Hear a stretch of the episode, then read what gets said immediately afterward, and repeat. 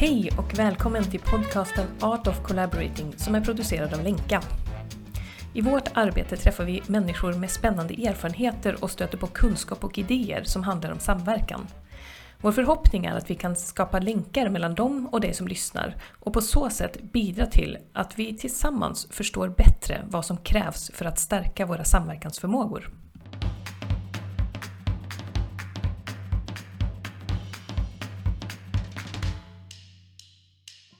Ja, men varmt välkommen Johan Packendorf. Jättekul att du vill prata med oss i den här podden.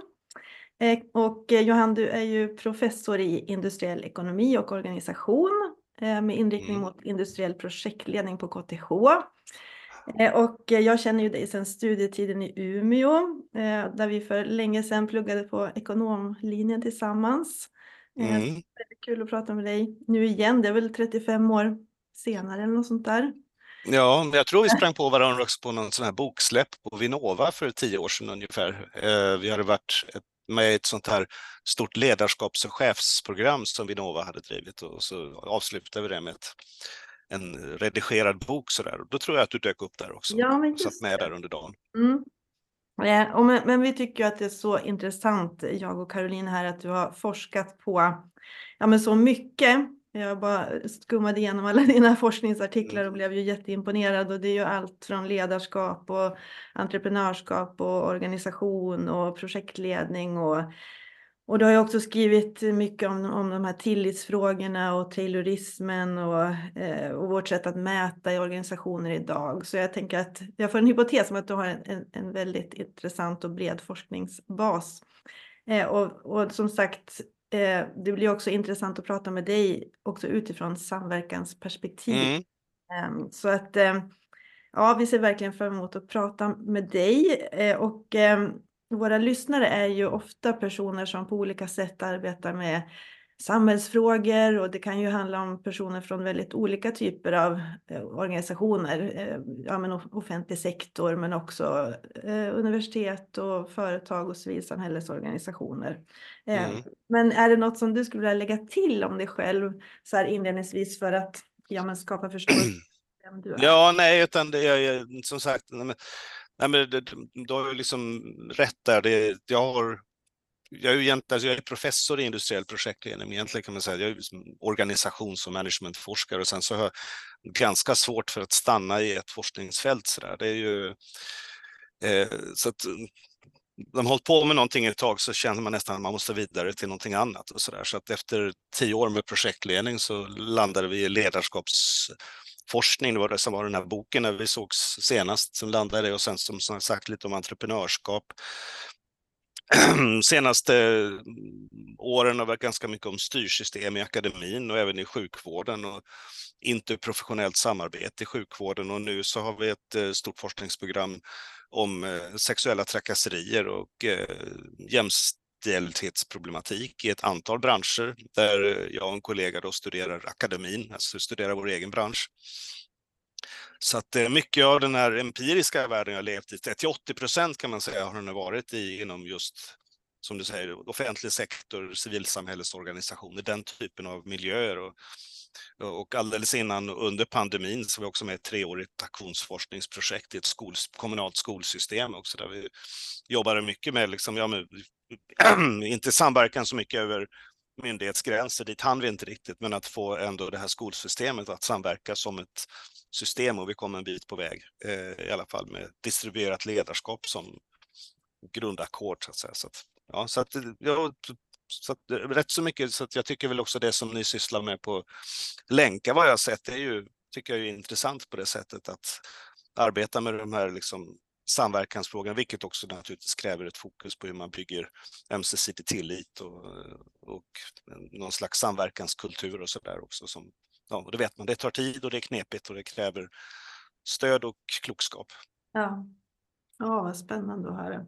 Ja, men väldigt spännande. Vi, eh, nu var ju du inne på det lite att vi har nog väldigt många beröringspunkter också eh, mellan det vi håller på med och det du håller på med. Eh, och sen finns det liksom en, känns som att det finns en jättebred eh, palett av saker vi skulle kunna gå in på här idag i vårt samtal. Så mm. jag tänkte att om vi checkar in lite så att var och en av oss bara kan eh, ja, men kanske benämna lite vad, vad vi tycker skulle vara särskilt intressant som tema eller fråga eller område att vi kommer in på idag. Så att vi liksom börjar zooma in lite på hur vi kan, ja, vad vi vill prata om. Eh, mm. För vi skulle ju som sagt säkert kunna prata om jättemycket saker och bara hamna i... Och det kan man ju också göra. Men, men jag tänker att vi, vi fångar upp det först bara. Så att eh, jag kanske börjar med dig Anna. Vad tycker du skulle vara intressant liksom, som tema eller frågor? Något, något särskilt som du tycker skulle vara kul att prata om? Eh, ja, nej, men som, som sagt, jag blir nyfiken på allt som du har berättat om Johan. Eh, det är klart att ja, men liksom, dina insikter kanske kring det här med interorganisatorisk samverkan. Jag vet att jag har sett forskningsartiklar som du också har skrivit. Mm. Det. Eh, ja, men också tankar kring det här med ja, men tillit och mätande och hur vi tar oss an våra samhällsfrågor. Eh, du var ju nu inne bland annat på skola. Ja, men liksom, vad, vad har du för insikter från forskningen liksom kopplat till hur vi agerar idag också för att ta oss an lite mer svårlösta frågeställningar. Ehm, så det är väl ett par. par. Mm. ja. Mm. Ehm, vad tänker du då Jan? Ja absolut, alltså jag, jag, jag tänker ofta tänkt när jag diskuterat de här frågorna under senare år att alltså anledningen till att vi pratade, att vi sitter här, det var egentligen att jag, fick, jag hade en kontakt angående det här med eh, lite grann kring eh, mm, alltså, anställdas integritet i förhållande till liksom sådär mer eller mindre automatiska mätsystem och annat. och, sådär. eh, och Det där med mätsystem, det är en sån här fråga som lite grann har förföljt mig ända sedan jag doktorerade om sjukvårds, ekonomistyrning i sjukvården. Det här hur mätande liksom då skapar, liksom, det bygger kultur. det bygger upp, det förstärker och eroderar värderingar och det, det gör en massa saker med oss. Och mycket av det här är oavsett och en del är sånt som vi verkligen inte vill ha så att säga. Då. Så att man, man, man fokuserar väldigt mycket på att man ska mäta saker och ting, alltså what you measure is what you get. Och sen så, samtidigt så bygger man upp någon slags kultur via de där mätsystemen som man inte har tänkt igenom och som landar i någonting helt annat som, som eh, som försvårar samverkan och som försvårar eh, samarbete över organisatoriska gränser, får människor att eh, se varandra som konkurrenter snarare än som medarbetare eller samverkanspartners. Och det, så där, det händer en hel del sådana saker också genom olika typer av mät och styrsystem så där, som, som jag tycker, och det har vi pratat alldeles för lite om, både i praktiken och i forskningen faktiskt också. Mm. Mm. Jag kommer ihåg när vi, när vi la fram de här, alltså när jag var doktorand och vi skrev om det här, alltså ekonomistyrning i sjukvården som en slags en organisatorisk fråga, en ledningsfråga, så satt ju kollegor där och skakade på huvudet. Nej, men alltså ekonomistyrning är ju en sak. Det är ju någon slags, liksom, och det här med organisationen, det är någonting annat. Du kan ju inte blanda ihop det där kom inte dragandes med gamla favoriter från organisationsteorin och använd det på ekonomistyrning eller ekonomisk styrning. Det, så kan man mm. inte göra. Mm. Jag tycker det är precis den typen av gränsöverskridande man måste kunna göra. Mm. mm. Men det, det, är jätte, det kan vi fördjupa oss lite i kanske det här med, mm. med och sådär. Är det något mer du tycker skulle vara intressant att prata om? Eller? ja, sen, sen en annan anledning att vi fick kontakt, det var ju det här också eh, det var en artikel som kom i ehm, alldeles innan jul här om, om Taylorism 2.1 så att säga, i The Guardian. Eh, och sen förra veckan så skrev ju också fackförbundet Unionen på samma tema på DN Debatt kring det här med eh, olika typer av algoritmiska automatiska mätsystem och sådär och vad och att de signalerar att de som fackförening tyckte att det här var väldigt problematiskt och skulle liksom stå upp för, för sina medlemmars skull gentemot det här och driva på olika typer av lagstiftning och sånt där. Så det är väl också en sån här eh, fråga vi skulle kunna komma in på. Och det har ju också att göra med att alltså, det kan ju förefalla väldigt attraktivt liksom att kunna liksom detaljstyra, detaljmäta sina anställda, men man får konsekvenser som man inte har tänkt sig. Mm. Eh, mm. Som kanske gör att det kommer surt, surt efter. Mm.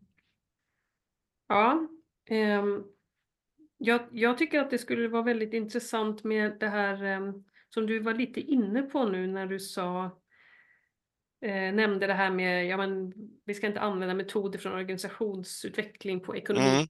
Mm. Eh, just det här som jag också tänker att du har varit mycket inne i, att växla mellan sakområden men också mellan olika kanske eh, forskningsansatser eller, eller miljöer liksom. Mm. Just det här, hur, hur kan vi integrera, alltså lite det här också tvärdisciplinära eller liksom när vi går över en gräns, hur, hur vad är det för um, förmåga som vi behöver träna på där eller som vi kanske behöver prata mer om? Det, det tycker jag skulle vara intressant att gå in på och, och i samband med det lite det här, vem tar helhetsperspektivet i de här frågorna för att och hur, hur, eller hur kan vi ta ett helhets, en, en, mm. anamma en helhetssyn och då kanske lite en systemsyn som du var inne på lite med det här med skolsystemet och sådär. Ja. Kan man liksom tänka styrning och mätning, går det? Eller ja, så att det tycker jag skulle vara kul att prata om. Så, det finns väldigt många väldigt spännande många områden att snacka om. Ja.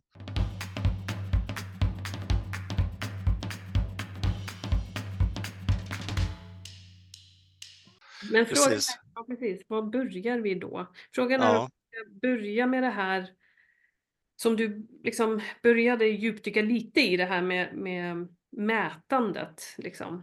Att, um, du, jo, du sa det här mätande bygger kultur. Mm. Um, vad, vad tänker du? Eller det jag tänker då är i samverkansprocesser. Ibland så brukar vi prata om att när vi möts mellan organisationer och då faktiskt mellan olika styrsystem och mätsystem. Då det är liksom lite sådär ingenmansland på ett sätt, för det är ingen som, som har på förhand bestämt i alla fall, hur ska vi mäta vår samverkan eller hur ska det? Um, och då kommer vi ju in med liksom olika mätkulturer skulle man kunna säga. Mm. Absolut. Och har möjlighet att bygga en ny kultur.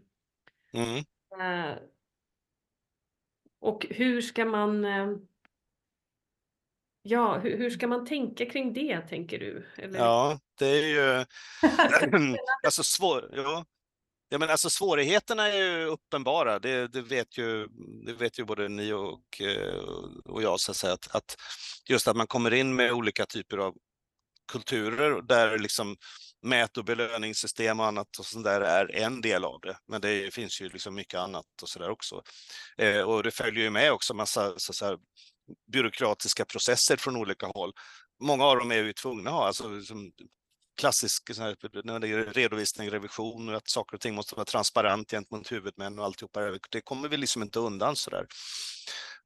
Men, men, och det måste vi hantera, men vi kommer liksom in i situationen med det där eh, och sen så kan det visa sig liksom försvåra. Det finns ju inom statsvet, statsvetarna pratar ibland om street level bureaucrats, alltså att folk som jobbar på den här alltså ska säga, lägsta, men den här nivån där man ändå umgås med avnämare, klienter och så vidare. Och sitter man då och håller väldigt mycket på sina liksom, regelsystem och är lite fyrkantig och så vidare, så ja, då, då blir det på något vis, det blir det beteendet som avnämarna ser då egentligen, att, att de här de här organisationerna samverkar, inte bara en liksom betonar eller överbetonar betydelsen av sin egen organisatoriska tillhörighet och att ja, jag är minsann kommer därifrån och där tänker vi så här och så här och det tänker vi inte tumma på sig så här, vad som än händer. Mm. Eh, så, och, så, så att, och det är ju, det är ju ganska liksom vanligt. Det jag tycker, alltså, om man tänker sig vägar ut ur det, så är det, det är naturligtvis det är ju naturligtvis väldigt mycket att liksom mötas och träffas och prata på kanske lite innovativa sätt då. Eh, det här att bara sätta en massa kloka människor i ett rum och säga börja prata nu och lös problemen. Alltså det, det gör vi också. Det gör vi alldeles för mycket i akademin och det blir inte särskilt bra. Det är dåligt använd tid. Alltså det är, det är lite grann där som det finns hela den här ironiserandet över svensk möteskultur och så där också, som inte är någon exportvara direkt. Eh, men, men med rätt typ av liksom stöd för, alltså ha bra regisserade samtal och så vidare, så kan man komma, komma ganska långt på vägen. Sen tror jag också att kultur måste stödjas av struktur, alltså den där ekonomistyrningen som struktur skapar kultur som vi ibland inte vill ha. Eh, men eh, man kan också ha struktur som stödjer det vi vill ha. Eh, och något som vi har pratat i vår forskargrupp här på KTH rätt mycket om senare år, det är det här med organisatoriska rum. Och det hade vi också i det här skolprojektet, att de flesta sådana här offentliga organisationer, klart på ytan är det ju liksom någon slags hierarki med olika, som ser ganska liksom tydligt ut. Då. Men i praktiken så sitter ju folk i massor av olika, de sitter i olika nämnder och arbetsgrupper och projekt som korsar både vertikalt och horisontellt överallt. Mm. Och varje sån där grupp eller projekt eller sån där är ju ett slags eget rum där nya saker är Mm. möjliga att säga, där man ska fokusera kanske på andra saker än där man normalt fokuserar på. Nya saker är tänkbara och pratbara och, och så vidare. Mm. Så att genom att skapa klokt definierade nya organisatoriska rum så kan man också få nya saker att hända. Mm. Eh, I det här skolsystemprojektet där man då hade kommit från en ganska traditionell grund där varje rektor egentligen såg, ja, min skola är min skola, punkt slut. Och varje lärare sen, ja, mitt klassrum, ingen ska komma in och säga åt mig vad jag ska göra i mitt klassrum ungefär. Eh, så försökte man liksom komma mot en kultur där, åtminstone på rektorsnivå, att rektorer i ett område började samverka, både liksom över skolgränsen men också mellan olika stadier och skolformer. Mm. Eh, och det gjorde man genom liksom nya sådana här, man tillskapade ett system egentligen med lärgrupper där alla Örebro ja nu sa jag att det handlar om Örebro, men det är inte någon hemlighet, där alla Örebro kommuns rektorer, de var ju 140 stycken var de på den tiden, indelades i 16 lärgrupper med en rektor som ordförande, lärgruppsledare. Det blir ett slags, och där fick de då jobba under flera års tid i de här lärgrupperna och själva definiera olika typer av utvecklings och innovationsbehov. Och det är klart att då skapar man ett nytt rum där de umgås på ett nytt sätt och med nya roller och med nya ingångar. Mm. Men och då blir jag nyfiken på vilken roll spel, spelade då mätandet? För, för eftersom mm. du kopplar det till mätandet, liksom, eh, var det viktigt i det projektet att mäta de här lärgrupperna på något sätt? Eller, mm. eller skapade det som skapade utveckling, skapades det av andra skäl? Alltså, jag funderar mm. på frågan, varför mäter vi? Ja, precis. Det man kan, eh, ja, och, det, och det, det är en bra fråga för att det fanns ju där. Eh, eller det fanns som en parallell logik. Det, det var, ganska, det, var, det var lite lustigt, så när vi klev in i det samarbetet så, var det, så hade vi ju en ganska tydlig sån kulturbyggande ambition med det här. Och hur ska vi liksom hantera det på ett bra sätt? Och vi hade en process, extern processledare som var väldigt erfaren också. Men i och med att det här också var då ett projekt, eh, ett treårigt projekt, alla problem i Sverige går att lösa med ett treårigt projekt, så fanns det också liksom en projektlogik på sidan om med fullt av olika mätetal och, eh, och avcheckningspunkter och allt möjligt sånt där. Då. Eh, och det var ju, och själva grundanslaget i de där två synkade inte alls särskilt väl, eh, kan jag ju tycka. Och det som, det som hände där var väl egentligen att det här mätsystemet liksom sakta men säkert mobiliserades bort. Mm. och det tror jag väl kanske var ganska bra, för hade det varit närvarande hela tiden så hade det varit, det hade, det hade motverkat det vi ville uppnå med mer liksom samverkan över gränser och sådana saker. Därför mm. att eh, mätsystemen i skolan är ju ganska mycket kopplade till eh, ja, sånt som man på något vis ska uppnå på enhets enhetsnivå egentligen. Det är ju inga liksom mål egentligen för samverkan. Ja, kanske att man börjar räkna aktiviteter. Hur många gånger har rektorerna träffats under ett år? Så här, ja, fyra gånger. Ja, check på den. Ja. Mm. Men det, det är fortfarande ingenting om vad resultatet har varit. Mm. Och framförallt inte resultatet i relation till eh, avnämare, till barn och föräldrar och sånt där. Mm. det är ju jätteintressant för det ser ju vi också så ofta att det liksom är ja, men dels det här som du säger, liksom att organisationernas mätsystem ligger ju där och hindrar liksom samverkan mm. av frågan. Men sen också att den här projektlogiken idag, där man också fördefinierar liksom eh, resultat och mål och mätande, mm. kan ju, jag menar när vi går in i ett utforskande i en samverkan kopplat till då en, en, en viktig mm fråga så, så behöver ju där luckras upp på något sätt och vi behöver kanske mäta mer från ett helhetsperspektiv än från enskilda delar. Ja, det är en intressant fråga och det är ju så många frågeställningar idag också som kräver att organisationerna lyfter sig ur, mm. ur stuprör och tittar liksom bredare kring en frågeställning. Ja, precis. Det fanns ju till exempel då i det här projektet så fanns det någon slags idé från början att, för det var ju en kommun som hade ja, men, fått en del kritik och som samtidigt hade då brottades med en del utmaningar kring integration och social, social ojämlikhet och så vidare. Ehm, och då hade man liksom sån här idé från början att ja, men 2025 så ska vi vara liksom bland de 25 bästa kommunerna i Sverige. Och det är ju liksom, det är ett enkelt och slagkraftigt mål. Du kan trycka upp det på muggar och t-shirts och, och, allt möjligt. Men det är ju ett ganska meningslöst mål eh, därför att det är ju det säger ju väldigt lite. Alltså, visst, vi ska anstränga oss här, men sen finns det liksom över 300 andra kommuner som också anstränger sig. Och lyckas de lite bättre under sina förutsättningar som är ganska annorlunda, så då kommer vi, vi, kan liksom, vi kommer aldrig nå de där 25 bästa ändå oavsett hur bra vi arbetar. Så det är ett exempel på ett liksom mål eller en vision som är, ja, men är ganska meningslös och som i värsta fall blir ganska deprimerande att, att liksom leva med på något sätt. Mm.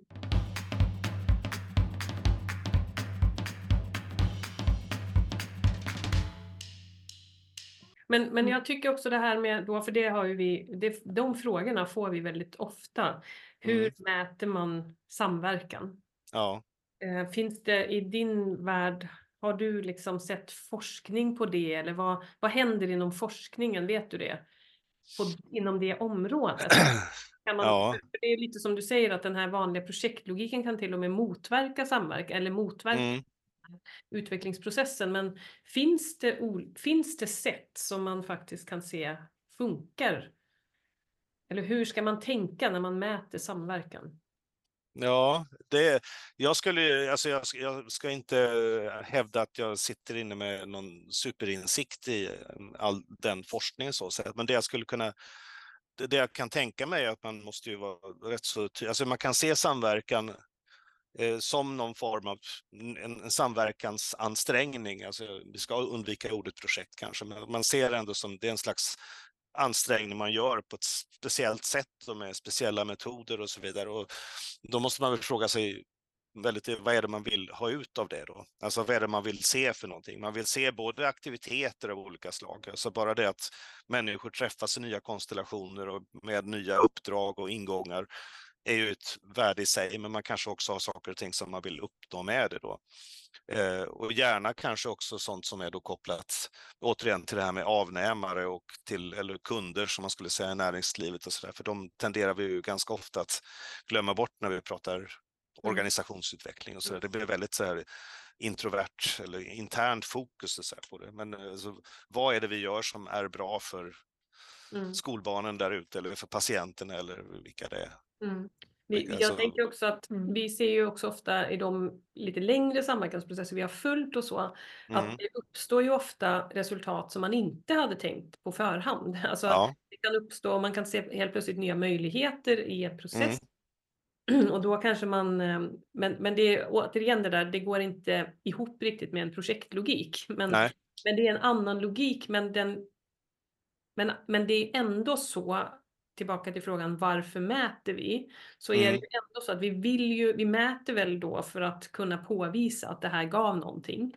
Vi ja. liksom visa att det gav resultat på något sätt. Men det som är intressant i samverkansprocesser eh, som vi ser då, det är ju att det kan uppstå resultat och vägen kan bli annorlunda än vi hade tänkt från början. Mm.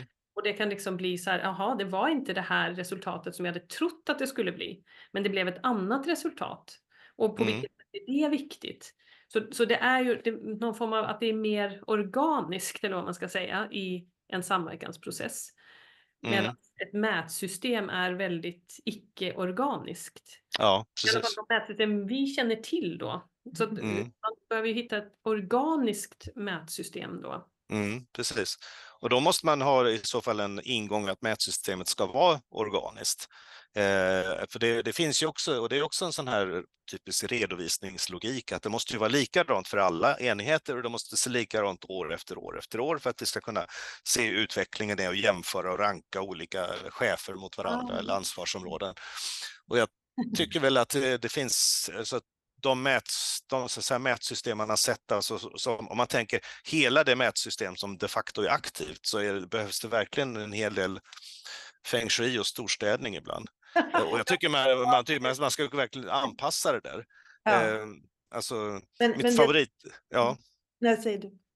Ja, men alltså, det är därför att det är så mycket som ofta ligger kvar också och inte ändras på. Och jag tycker man ska, måste kunna, allt eftersom, så, jag håller helt med om det där att man ser helt plötsligt så när man klättrar upp på någon bergstopp så ser man nya saker som man inte ens kunde ha inbillat sig innan. Mm. Eh, I det här skolprojektet så såg vi, så när pandemin slog till och alla blev fullt upptagna med den så då sa en del, ja men nu måste vi pausa det utvecklingsprogrammet för ingen kommer att hålla, ägna sig åt det. Och tvärtom visade det sig då att att det här distribuerade ledarskapskulturen vi har jobbat med, ja, men den hade ju satt sig i viss utsträckning och hjälpte till. Mm. Och när väl liksom det värsta i pandemin var över så hade de ju lärt sig massa nytt genom att på något vis använda den här kulturen. Då. Mm. Eh, så att, vilket ju innebär att om man då har, tänker man då att de mätsystem man har följer med då en sån mm. insikt, en sån aha-upplevelse, då, Mm. Då kan de ju fortsätta att stödja även det nya som händer istället för att liksom stå kvar och säga att men nej, nej, nej, vi mäter det här liksom gamla mm. så att det där blir konstigt. Ägna er inte åt det. Ja. Och sen är det frågan ibland vilka vad ska man säga, beslutsnivåer som behöver vara med i det organiska mätsystemet. Ja. För mm. vi, vi jobbar ju både lokalt och regionalt och nationellt och internationellt mm. olika frågor. Och ibland kan man ju också se att man samverkar kanske lokalt då kring en, kring en samhällsfråga och mm. liksom köper in sig bara i vad de nationella direktiven liksom ja, säger. Precis. Mm. Eh, medan man märker att verkligheten skulle kräva något helt annat. Eh, både liksom i att mäta samverkan men också i, de, eh, i organisationerna. Vad är det som mm. styr respektive organisation? Det kanske liksom egentligen hindrar att lösa frågan kopplat till, som du säger, avnämaren med ja. kunden. Men sen så är, är det ibland och i vissa fall inte ja, men till exempel andra nivåer av beslutsfattande med och förstår hur mm. systemet behöver organiseras på ett annat sätt eller vara organiskt. Så det är också väldigt mm. intressant vilka som ska träffas i det här organisatoriska rummet och prata om hur mätsystemen behöver ändras. Ja, Det är bara precis. En fråga som... Ja, det är det och, och ibland så det tycker jag väl, och det är ju en annan, tycker jag, grej med den här liksom projektlogiken ibland, att det, den, den är ju i praktiken ofta någon slags, att man, man knuffar ner ansvar för ganska viktiga frågor på folk som är i verksamheten och fine, det kan man, det kan man göra. Eh, men sen så har de ju sällan kanske mandatet att genomföra alla de här, alltså allt det de skulle vilja då och alltså påverka organisation och sådana saker. Och det är liksom en sån här klassisk grej i projektledning rent allmänt, att projekt, projektledaren kan ju förefalla som någon som har väldigt mycket makt och inflytande och så vidare, men ofta är det ju en person som är väldigt beroende av sin styrgrupp eller av högre chefer som ofta äger resurser och sånt där, om man verkligen liksom vill uträtta eller förändra någonting. Mm, mm. Och, men... det ju, och, det här med liksom, och det här med förändring och så, att, att eh, just det här att man faktiskt kan alltså, fokusera på förflyttning och det är en annan sak i mätsystem, att man mäter gärna fasta mål och så vidare. Men det som är intressant är väl just de mål som innebär någon form av förflyttning och förändring. Det är egentligen de man borde liksom fokusera på. Ja, och då precis. Ehm, jag, jag, tänker det du säger nu med den här projektledaren som har en massa relationer ut och i systemet mm. och är i olika kontexter och sådär. Jag tänker att det då då kommer vi in lite på det här med också kulturens eh, och, och liksom inställningar och förhållningssätt och sånt där. Mm. Jag tänker att vi ska komma in på det, men bara, jag bara fastnade för en sak du sa innan, apropå det här mätsystemen, så sa du att ja, men man ska ju, när vi pratade om det organiska mätandet, alltså mm. så, så sa du att ja, men då, då ska det ju vara lika för alla och man ska kunna jämföra och aggregera och, liksom kunna massa slutsatser på sikt på mm lycka och allt det där. Och då tänker jag att är inte det liksom ett mindset vi har eller en föreställning vi har? Ja. Att allt är, det finns en superkontroll. Vi kan liksom, ja, vi skapar en superkontroll om vi bara har liksom mätt på samma sätt under mm. 50 år, då får vi liksom superkontroll på det här. Ja. Och det är någonting i det där tycker jag som är för egentligen om man tänker då det mer organiska mätandet, då mäter man ju för, som du sa, för att få synliggöra en förflyttning. Vi, mm. gör en, vi ville det här, vi har gjort en förflyttning. Sen kanske i en annan kommun så har man gjort det här. De fick ja. också en förflyttning. och kanske då kan man prata om så här, ja men hur, vad lär vi oss av det liksom? Vi som människor, alltså i vårt görande. Men, men det är väl det som är, vad ska man säga, som också är en organisk process. Att liksom, Mm. vi lär oss det här på den här nivån, vi har lärt oss det här på den här nivån. Det finns liksom ingen, vad är värdet med att ha den här superkontrollapparaten som liksom, alltså vad, vad är det vi egentligen vill med det på något sätt? Alltså förstår du vad Mm. jag är ute alltså, Ja, ja, ja, precis. en föreställning som spökar lite också i våra Mm. verksamheter och att det, det bara vi tar det för givet liksom. Nej, men det ska vara rankbart, det ska vara jämförbart, det ska, alltså det är en sån Mm. som, som kanske då går lite i clinch med det här, hur det faktiskt, ja, hur det skulle behöva vara i Mm. verkligheten liksom. Precis. Jo, ja, men det kan, jag- jag, kan hålla med om det. för Det, det, finns, det är ju någon slags kan man säga, det, det är ju någon slags illusion det där att ju, ju mer liksom data och mätning vi har, desto bättre koll har vi. Eh, och, och den här kollen måste ju hela tiden vara relaterad återigen till det vi faktiskt vill uppnå här och nu. Ja, Så man, ibland så skulle man ju tycka liksom att det vore jättebra om Alltså jag kan ju förstå att en del mätsystem måste komma uppifrån, inte minst i offentlig sektor, och så här, för det finns lagstiftning och annat som tvingar fram det. Men man skulle kan tänka sig att mät, det skulle vara rätt bra om enheter själva också. Vad, vad skulle vi vilja behöva bli mätta på just nu eller de närmaste tre åren eller någonting? Så vad är viktigt för oss just nu och hur kan vi hantera det i så fall? Och, och Mm. det kanske då inte ens är kvantitativ mätning ibland. Men jag, men jag, men jag håller med, liksom, man- man, det, finns, man, den, det, är en, det är någon illusion av kontroll man skaffar sig om man har jättemycket data och så vidare. Då. Mm. Eh, och sen så sen leder, kan ju det där leda också till någon slags, det leder ju också till någon form av kontroll. Och det är väl det som är också den här diskussionen vi hade kring det här med eh, elektronisk övervakning och sådär och så där på arbetsplatser. Det är klart att det leder ju till, det, finns, det, ger ju kontroll eh, om något slag, men frågan är om den är särskilt meningsfull.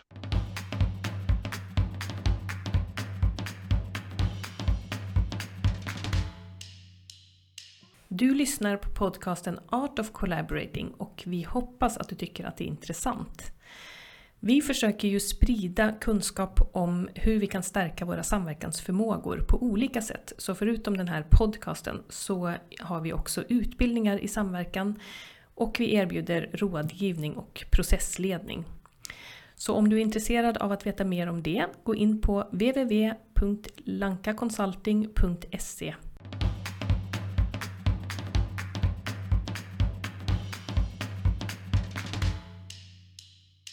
Ja, och jag, och jag tänker på, vi har ju i vår senaste bok, eh, som där vi skriver om hur man kan leda en komplex process, så Mm. har vi ett slutkapitel där vi har eh, ett, ett fiktivt samtal mellan Frederick Taylor och Mary Parker Follett.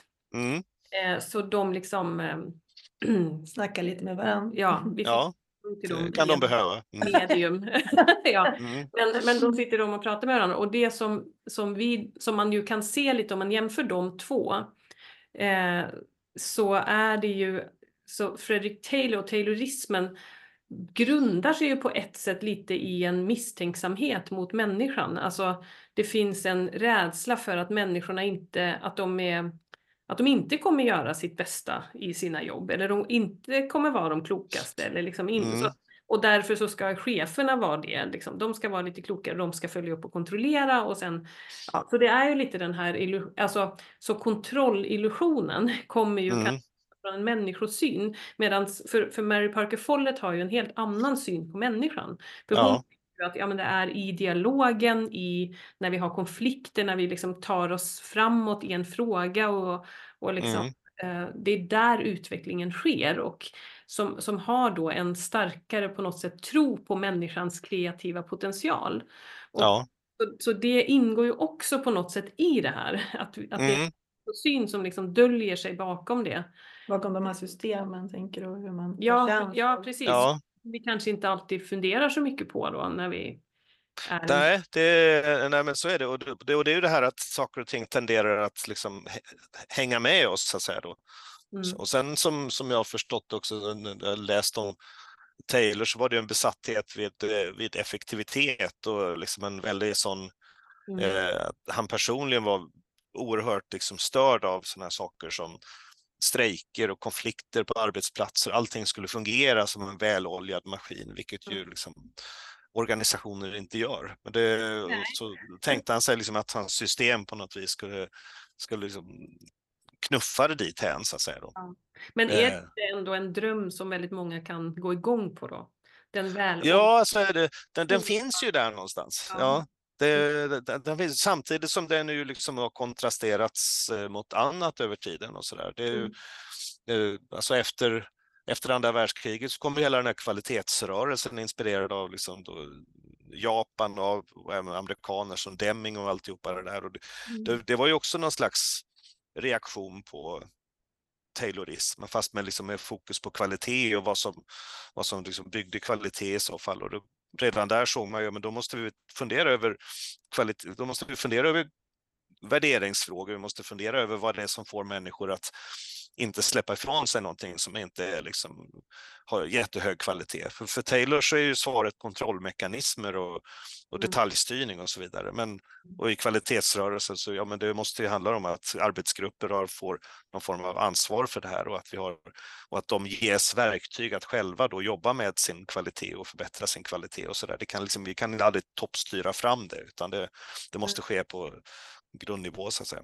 Mm. Så, att, mm. så att mycket av alla de där insikterna har ju som vuxit fram parallellt och det är även, även teoretiskt så ser ju hela liksom managementteorin ut så där egentligen. Det är ju som en sån här ja, trojansk eh, arkeologisk utgrävningshög och så där, liksom att det, det, är liksom flera lager av olika idéströmningar och, och tankar som ligger på varandra och som mm och som, som finns kvar där. Och det är inte så att vi kastar ut någonting utan vi, vi mm. bara liksom adderar på. Så att säga. Ja, men hur, jag tänker kopplat till det här med liksom samhällsutmaningar och, och ett mm. behov av att arbeta över gränser och sådär. Hur, hur, hur har liksom ledarskaps och managementforskningen påverkats av det? Ja, den, den, den har ju påverkats av av det i någon mening. Sen, sen kan man säga att mycket, mycket, av, ledad, mycket av den forskningen är ju fortfarande ganska kopplat till det var väl det som vi kom på när vi började så, i min grupp, då, när vi började jobba med ledarskapsfrågor, det är säkert 15 år sedan nu ungefär. Det var att fokus var ju väldigt mycket på ledarskap, samma sak som vad en formell chef gör och då blir det per definition så, alltså det är den formella chefen som styr över sitt ansvarsområde, sina resurser, sin personal och, mm. och ska liksom entusiasmera och och jobba med dem och sådär.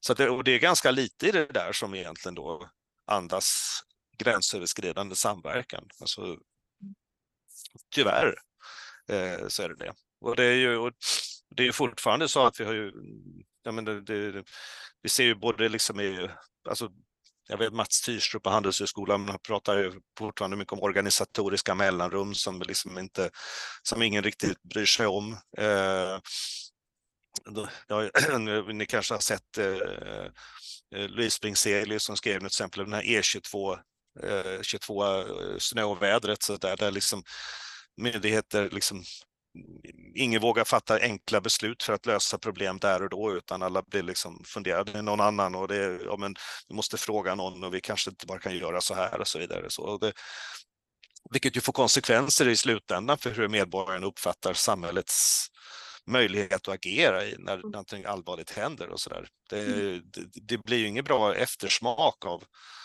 av sånt där. Så där tror jag det behövs, det behövs väldigt mycket mer eh, alltså forskning och jag tycker också mycket, alltså inte minst den här typ aktionsforskning och sånt där, där man faktiskt liksom följer samverkansprocesser och stöttar dem och ser vad kan vi, vad kan mm. vi lära oss? För det där finns, det finns väldigt lite. Eh, I den mån eh, man överhuvudtaget studerar det här med liksom samverkan så blir det ofta väldigt mycket på toppnivå så att säga. Alltså hur eh, så fall? Mm. Vi kan ju tipsa alla forskare som lyssnar nu eh, mm. om att vi har tillgång till jättemånga samverkansprocesser som mm. man ska följa. Ja. Forskningen, för det, det, är liksom, det är det vi befinner oss i hela tiden egentligen. Eller vi möter personer som jobbar i sådana där processer. Mm. Vi, så vi är ju väldigt liksom mellan teori och praktik på det sättet kan man säga. Mm. Så för, för, för det är ju en Ja, det håller jag med om att det, där finns det ju jättemycket att lära av de praktiskt genomförda samverkansprocesserna. Ja, Mm. Och det kanske precis. måste börja, för det, för det pågår ju jättemycket samverkan. Så Mm. även om det inte pågår så mycket forskning inom det så pågår det ju jättemycket. Ja, mm. Och, och, de, och det finns jättemycket liksom lärdomar där ute liksom. Så Mm. Men- ja, Precis. Och så, sen är det klart, sen är det ju inte helt ovanligt att, man, att, eh, att forskare inom organisation och ledarskap på olika sätt följer program och processer som har samverkan som ett av syftena så att säga. Då. Det är ju ganska länge, det var ju, eh, ganska länge så var det nästan så att det kunde inte startas ett större EU-projekt utan att man skulle ha en följeforskare som det hette på den tiden med och sådär. Eh, Och, även, och jag vet att statsvetare, det finns en forskargrupp i Malmö kring Patrik Hall som är professor som ofta följer olika typer av samverkansprojekt i samhället och sånt där. Så att, så att, det, så att, så, att det, det finns ju, men det, behöv, det skulle behöva, tror jag, sätta samman och integreras på ett tydligare sätt. Och, och jag tycker precis som ni alltså inne också att alltså, sky inte, sky inte för att kalla det då för, för till exempel ledarskap. mm, Eh, för ledarskap är liksom verkligen också någonting som sker i samverkan, så som sker över gränser och så vidare. Alltså det är inte någonting som bara handlar om vad en Mm. chef gör inom sitt fögderi så att säga. Då. mm, mm. Men det är intressant det där med språket vi använder då som du är inne på nu. Mm. Att kalla, vad vi kallar saker för och sådär. Att det Mm. bidrar till den här liksom, segregeringen eller, liksom, Ja, eller kan göra det. Eh, Men, men vi, vi behöver hitta sätt hur vi kan integrera det igen då. mm, Ja.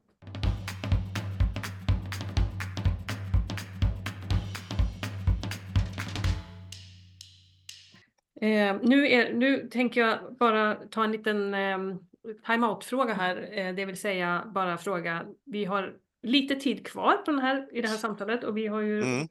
med det här mätandet och jätteintressanta saker. Eh, är det något som vi känner nu som vi vill ta upp innan vi avslutar sen? Någon fråga som vi inte har berört? Det var ju en del frågor som kom upp i inledningen, men, men känner ni, vad känner ni nu? Eh, vad känner du, Anna? Eh, Ja, men jag är ju fortfarande nyfiken på massa fler saker dessvärre då, även fast ja, rinner iväg. Men dels det här, ja men jag vet att du har ju också gjort, skrivit om det här med kvadrupelhelix och mm, vad, vad var insikterna där? Eh, och, och det handlar ju om samverkan, mm, mm, aktörssfärer eh, och sen också kanske det här som du var inne på Caroline, det här med om det tvärdisciplinära liksom, angreppssättet. För det låter ju som du har en förmåga att röra dig mellan eh, ja, Eller, Och vi tänker att det behövs ju så mycket mer liksom, i väldigt många frågeställningar. Vad är din syn på förmågor i det? Det är väl de Mm. två frågor som jag på Mm. just nu. Eh, Har, mm. eh, Johannes, som du skulle vilja att vi berör? Innan. Ja, men, eh, vi, kan, men vi kan ta de där, eh, vi kan ta de där eh, sakerna. När det gäller det här tvärdisciplinära så är det, ja, det, det, det är ju alltid en utmaning på något vis för att det innebär att man landar i, alltså, inom forskningen har jag liksom varit med om det några gånger, att man kommer med ett perspektiv och så in i en ny community på något vis och så tycker de, så sitter de och säger väldigt, men nej, så det där kan man ju inte riktigt tänka och göra och så vidare. Mm. Och det, och det, och det är inte så att, liksom att det alltid blir så att man, man får rätt till slut, men det har hänt några gånger att man faktiskt att fältet har kommit på, ja men det, det var väl inte så dum idé det där egentligen så. Eh, så, så att, och, som, som, och där, där har jag väl tänkt att ganska ofta att när man rör sig mellan fält så måste man på något vis vara ändå grunda i på något vis vad man, vad man själv tycker är viktigt då. Alltså utifrån så att till exempel när vi gick in i det här med ledarskap och såg det som en kollektiv process och inte någonting som utgår från en chef. Så det var, det var ju, folk skakade på huvudet åt det. Men det satte sig efter ett tag. Eh, En del är fortfarande jättesur över det. Eh, Och det kan de ju få vara, så att säga. men det bidrog, det, det, det väckte en del tankar hos folk och då, då är det väl det som är eh, syftet med det där. Men, men, då, men vi, vi ville liksom inte riktigt vika från den här grundtanken vi hade och var lite, var lite tjuriga med den. Eh, Och det har ju varit samma sak när man sen det här lite det kulturella och liksom socialkonstruktionistiska Vi har tagit med oss även in i mätande och även in i, till exempel nu när vi studerar det här med sexuella trakasserier och ojämställdhet och sådär också, att det också, det är ju inte bara fråga om individuella ärenden, folk som råkar illa ut, utan också om organisatoriska kulturer och värderingssystem där som på något vis gör det möjligt för människor att bete sig illa gentemot andra människor. Så att, så att man så att vara klar över sina grund, grundvärderingar och sådär när man rör sig mellan är viktigt. Sen så tycker jag väl att det var så när vi alltså när vi arbetat med ibland med praktiker, alltså nu är jag tillbaka till det här skolprojektet igen, så vill vi till exempel få de här rektorerna att lära av varandra. Mm. Eh, och eh, det innebär ju, och det, det, är inte självklart att att man, är, att man är redo för det, att lära av någon annan eller sätta sig in i en annans verklighet. Och där, så den här liksom förmågan att både liksom, alltså att zooma ut ifrån det egna och tänka vad är min praktik ett exempel på egentligen? Och, alltså, mm. och hur skulle det i så fall lärdomarna av det kunna överföras till någon annan? Alltså det, den här inzoomning och utzoomningskompetensen, så att säga, det, kan man ju, det kan man ju träna upp det kan ju alla människor träna mm. upp så att säga, med, liksom, rätt, med rätt typ av stöd och så där. Det är klart att ska man jobba med en, ska praktiker jobba, samverka över, över myndighetsgränser så, där, så måste de kunna både liksom, alltså zooma ut ifrån det egna och förstå mm. liksom andras ingång i det, men också kunna liksom zooma in sen och se, okej, okay, vad, vad, kan, vad skulle det här praktiska exemplet kunna innebära översatt till någon annans? Mm. Så att mm. man liksom inte bara, för annars blir det ju bara på någon slags bluddernivå lite grann. Så, där. Mm. så att eh, vi, ja, vi pratade mycket om just zooma in och zooma ut. Så att säga, mm. Det är väldigt bra begrepp. Jag tänker också på det här med, eh, vi pratar ibland om, eller vi har läst en bok eh, som handlar om systemtänkande. Mm. Eh, och där eh, han, pratade han om då andra ordningens ehm, perspektiv, tror jag han kallade det för. Översatte vi det som. Mm. Ehm, vad, heter han nu igen? Hodgson ja, han, han har skrivit eh, om det här liksom, att vara i komplexa system helt enkelt. Mm. Och då liksom att, jag tänkte på när du säger zooma ut, att det är lite det, att liksom kunna ta ett metaperspektiv på vad är det vi ja. gör. Eh, och det är inte, han pratar ju om att det är egentligen en förmåga som vi behöver lära ut mycket tidigare också i skolor och sådär, att man liksom tränar mm. på det. För att det är ju en, eh, jag tänker lite på också den här socialkonstruktionistiska ansatsen som du är inne på. Är den, hur, hur ehm, kan du förklara vad, vad det innebär för någonting att ha en mm. konstruktionistisk? Det är väl egentligen att man ser eh, alltså företeelser i eh, vår sociala värld som någonting som skapas i interaktion med varandra. Mm. Eh, och att eh, och när vi interagerar diskuterar, stöter och blöter, det är så då saker och ting, det är då saker och ting blir till, det är då vi också utvecklar värderingar. Det, det, så att liksom, mycket av det som sker är någonting som sker liksom socialt och då, kan man, då blir det väldigt problematiskt att prata om en ensam entreprenör som har liksom drivit upp ett bolag eller kommit på en idé eller en ensam ledare som ändrar på saker och ting och så där. För att om man inte förstår den sociala miljön som de här personerna funnits i så har man liksom inte begripit någonting egentligen. Så, sätt. så att man utgår hela tiden ifrån att saker och ting är alltså kollektiva processer. Mm. Eh, och då, då, då, ser man någonting annat än om man hänger upp sig på individen. Eh, för ett antal år sedan så satt jag en betygsnämnden för en avhandling eh, där, de, där forskaren han hade studerat familjen Rausing och Rausing hade drivit upp Tetra Pak. Så han hade först egentligen gjort en, skrivit en bok om hur de här entreprenören, de här rousingmännen, hur de då som ensamma entreprenörer drev upp det här bolaget. Och sen kom man på att om jag, om jag skriver om den här boken fast med fokus på hur de tillsammans med massa andra aktörer, andra företag, medarbetare och andra mm. skapar det här bordet, då blir det en helt annan historia. Och som mm. kanske det finns mycket mer att lära av mm. om mm. man nu mm.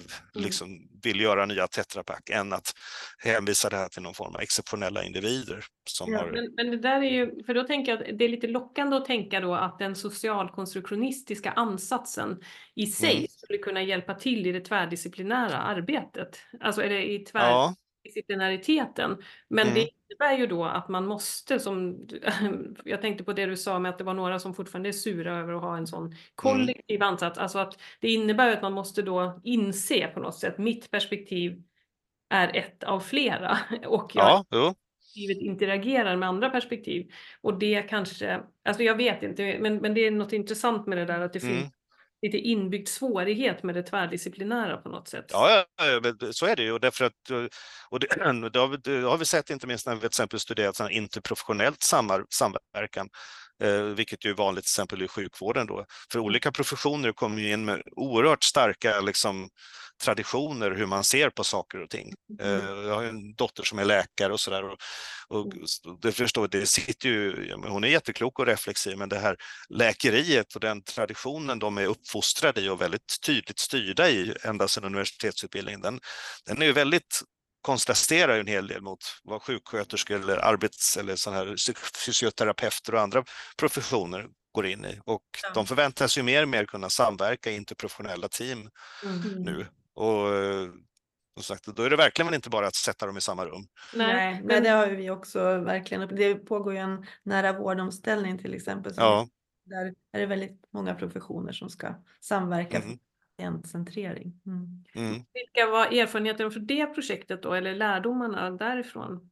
Du sa att ni hade gjort något projekt kring det. Ja, alltså, vi, hade en, vi hade en doktorand som studerade, det var framförallt eh, samverkan mellan, mellan läkare och sjuksköterskor på några eh, kliniker på ett, på ett större sjukhus så här, här i Stockholmstrakten och sådär. Och, och hur, eh, vad de här olika läkare och sjuksköterskeprofessionen, vad de på något vis tyckte att de hade rätt att göra och säga och liksom, det var ju också sånt där hur de tyckte att de kunde skoja och inte skoja och hur de tyckte att de kunde prata om patienter och vad som inte var okej och det skilde sig väldigt mycket åt sådär och, eh, och det är inte bara vad man tycker att jag som läkare eller jag som sjuksyrra kan göra det här, eller inte här, utan det är också vad de tycker att de andra Mm. kan få göra. Eh, Jag har läst kanadensiska studier, om ibland har liksom haft sex olika sjukvårdsprofessioner och, och de har liksom, tycker väldigt mycket om vad de andra borde göra, vad de andra inte borde lägga sig i och så vidare. Och så så att det, det är ett väldigt komplext eh, samspel det där. Mm. Eh, inte bara vad man själv borde göra, utan vad alla de andra Ja. borde göra och inte. Mm.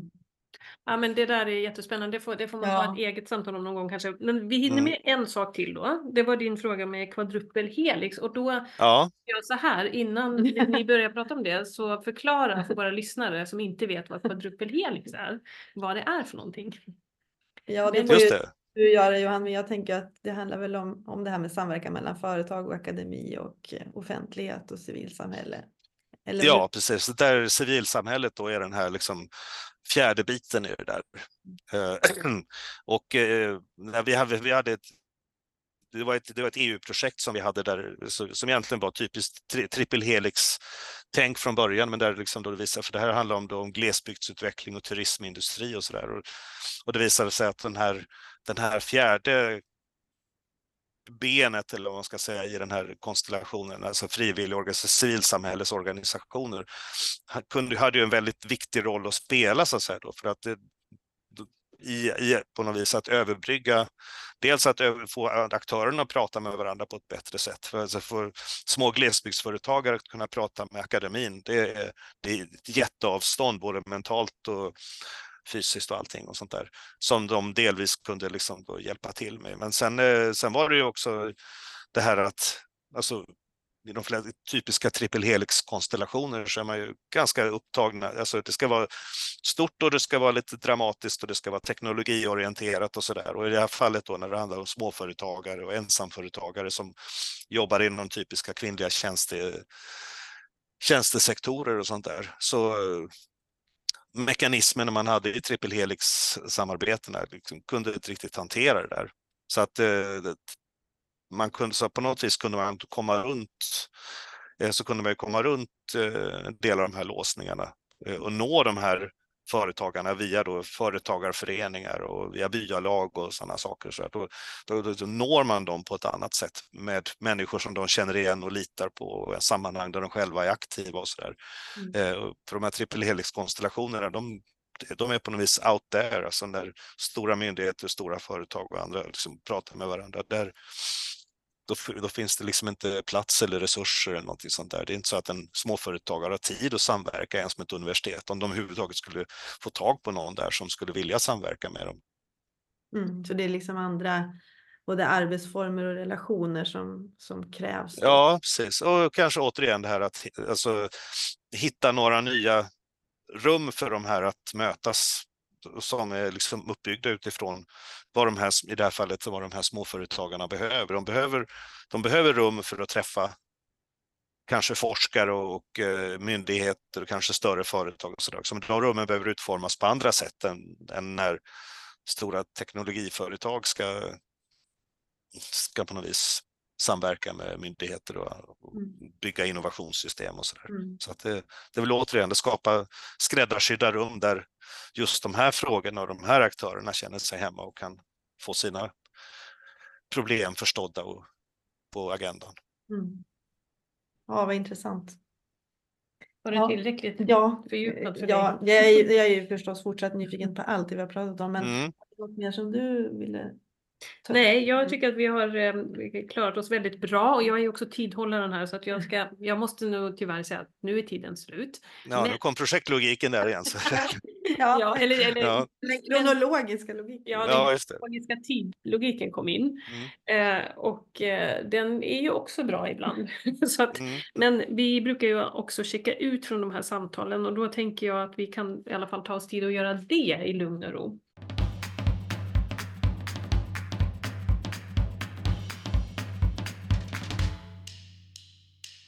Så då tänkte jag att vi kan fråga vad, vad tar du med dig från det här samtalet och vad, vad är det du vill gå ut och vad ser du fram emot att eh, göra i framtiden? Mm, just det. Um... ja, alltså så här, jag, jag, en sak jag, det har, som jag känns, som känns mycket starkare efter att ha pratat med er också, det är det här med att, att vi behöver liksom studera det här med samverkan mycket mer. Eh, och eh, det är någonting som, jag, men jag, alltså varje gång det blir någon sån här grej som händer i samhället, som det här med E22, alltså så här, som, som visar liksom att vi, vi, vi, är inte så väl organiserade när någonting bränner till. Alltså, det har jag sett även i akademin, vi är ganska kriskänsliga. Alltså mm. vi, när allting är som vanligt, då rullar det på. Men när det, när det bränner till, när någonting oväntat händer och vi verkligen behöver liksom arbeta tillsammans på ett nytt sätt, då kan vi stå ganska handfallna och folk ramlar in i olika typer av konflikter och blaming games och allt möjligt sånt där. Det skulle bli så mycket bättre, både vi skulle behöva studera det så mycket mer. Eh, därför att, att jag tror det finns, det finns jättemycket att göra där. Och det är någonting som vi i det här genomorganiserade samhället har varit med och ställt till med också genom att vi är så jäkla duktiga på att organisera. Eh, men att vi är dåliga på att få olika organisationer att prata med varandra. Så det är en sån här sak som jag absolut eh, tar med mig från det här samtalet, att det där måste vi titta mycket mer på framöver. Mm. Mm. Vad tar du med dig, Anna? Eh, jag känner mig väldigt inspirerad och ehm, det finns så många. Jag känner mig väldigt inspirerad av dig också Johanna, att du liksom är så bred i din forskning och det känns som du är väldigt engagerad liksom, i alla de här frågorna. Eh, och ehm, det finns väldigt mycket mer som det skulle vara intressant att liksom djupdyka i, känner jag, i samtal med dig. Eh, men ehm, Ja, men jag tänker också kring de här ja, men systemorienterade ansatserna mm. överhuvudtaget. Liksom, att det finns så himla mycket mer att, att utforska och prata om eh, i, i olika forum och med mm. forskning och med också offentlighet kring olika eh, samhällsfrågor, hur vi egentligen tar oss an dem idag. Och eh, det skulle vara väldigt spännande att liksom, ha ett tvärdisciplinärt samtal kring det och kanske bjuda mm. forskare som dig och andra ja titta på de här frågorna utifrån olika perspektiv och kanske bara ja, men ha, ha ett samtal om hur, hur eh, kan vi utforska de här mer systemorienterade frågeställningarna och samverka mm. tillsammans. Liksom. Så jag Precis. är lite, lite taggad på att kanske bjuda ja. in om, om ni forskare skulle vara intresserade av liksom någon form av mm. samtal kring det. Det kan ju bara Just vara en större lunch eller någonting sånt. Ja, eller den stora länkardagen i Globen. Ja, eller den stora länkardagen i Globen. Mm. Exakt. Mm. Ja, vi får se vilken form och vilket ja. på, format det kan bli. Så tack så jättemycket för det här samtalet John. Vad tänker du? Ja, men jag tar, eh, nu blev jag väldigt inspirerad av det du sa nu Anna, för att eh, jag Ja, ja, men en, nörden i mig tar ju med sig från det här samtalet. Jag tyckte det var härligt att få prata med dig Johan om och liksom gå lite djupare i det här resonerandet kring mät, mätsystem och liksom Mm. vad handlar det egentligen om? Och jätteintressant att höra dina erfarenheter från, från de här projekten och liksom och just det här tvärdisciplinära. Jag tycker det är så. Ja, där, går- där går liksom min nördhjärna igång på de där liksom, Mm. Är det som gör det så svårt för, vad är det liksom som vi hamnar i så lätt som, som gör Ja. att vi undviker liksom och, och faktiskt bara samskapa något som är fullständigt möjligt men som vi ändå liksom Mm. hindrar oss själva från på något sätt. Så det, det kommer jag fortsätta att tänka på. Men sen, och sen, eh, sen tycker jag det är väldigt givande generellt liksom, att prata med er som forskar och, och, och det är lite sådär att vi är någon form av hybrid på Länka som Mm. Vill verkligen och vi försöker liksom ta forskningen ner till en praktisk nivå eller se hur kan den vara behjälplig liksom eh, i praktiska, väldigt praktiska. Ja. Och det känns som ett väldigt gynnsamt läge att vara i och väldigt inspirerande. Det är liksom, ja. Eh, och jag bara funderar på hur kan vi eh, bli ännu bättre på det då, i Mm. den rollen. Och då Mm. tänker jag lite på det Precis. Men, även länkadag på Globen. Men, men att, att i alla fall börja någonstans med Ja. samtal där man, för vi skulle ju kunna vara ett sådant forum på ett sätt som samlar både forskare och praktiker på, på något sätt och liksom ja, kan få till också facilitera samtal. Så ja, så det var jättemycket härlig energi eh, jag tar med mig härifrån. Mm. Så ja, synd att det, det är över helt enkelt. Tråkigt. men- ja, precis. Men vi får väl höras igen någon gång. Så att det, Ja, precis. Det var över för den här gången. ja. Men eh, ja, tack så jättemycket Johan för det här samtalet. ja, tack själva. Mm.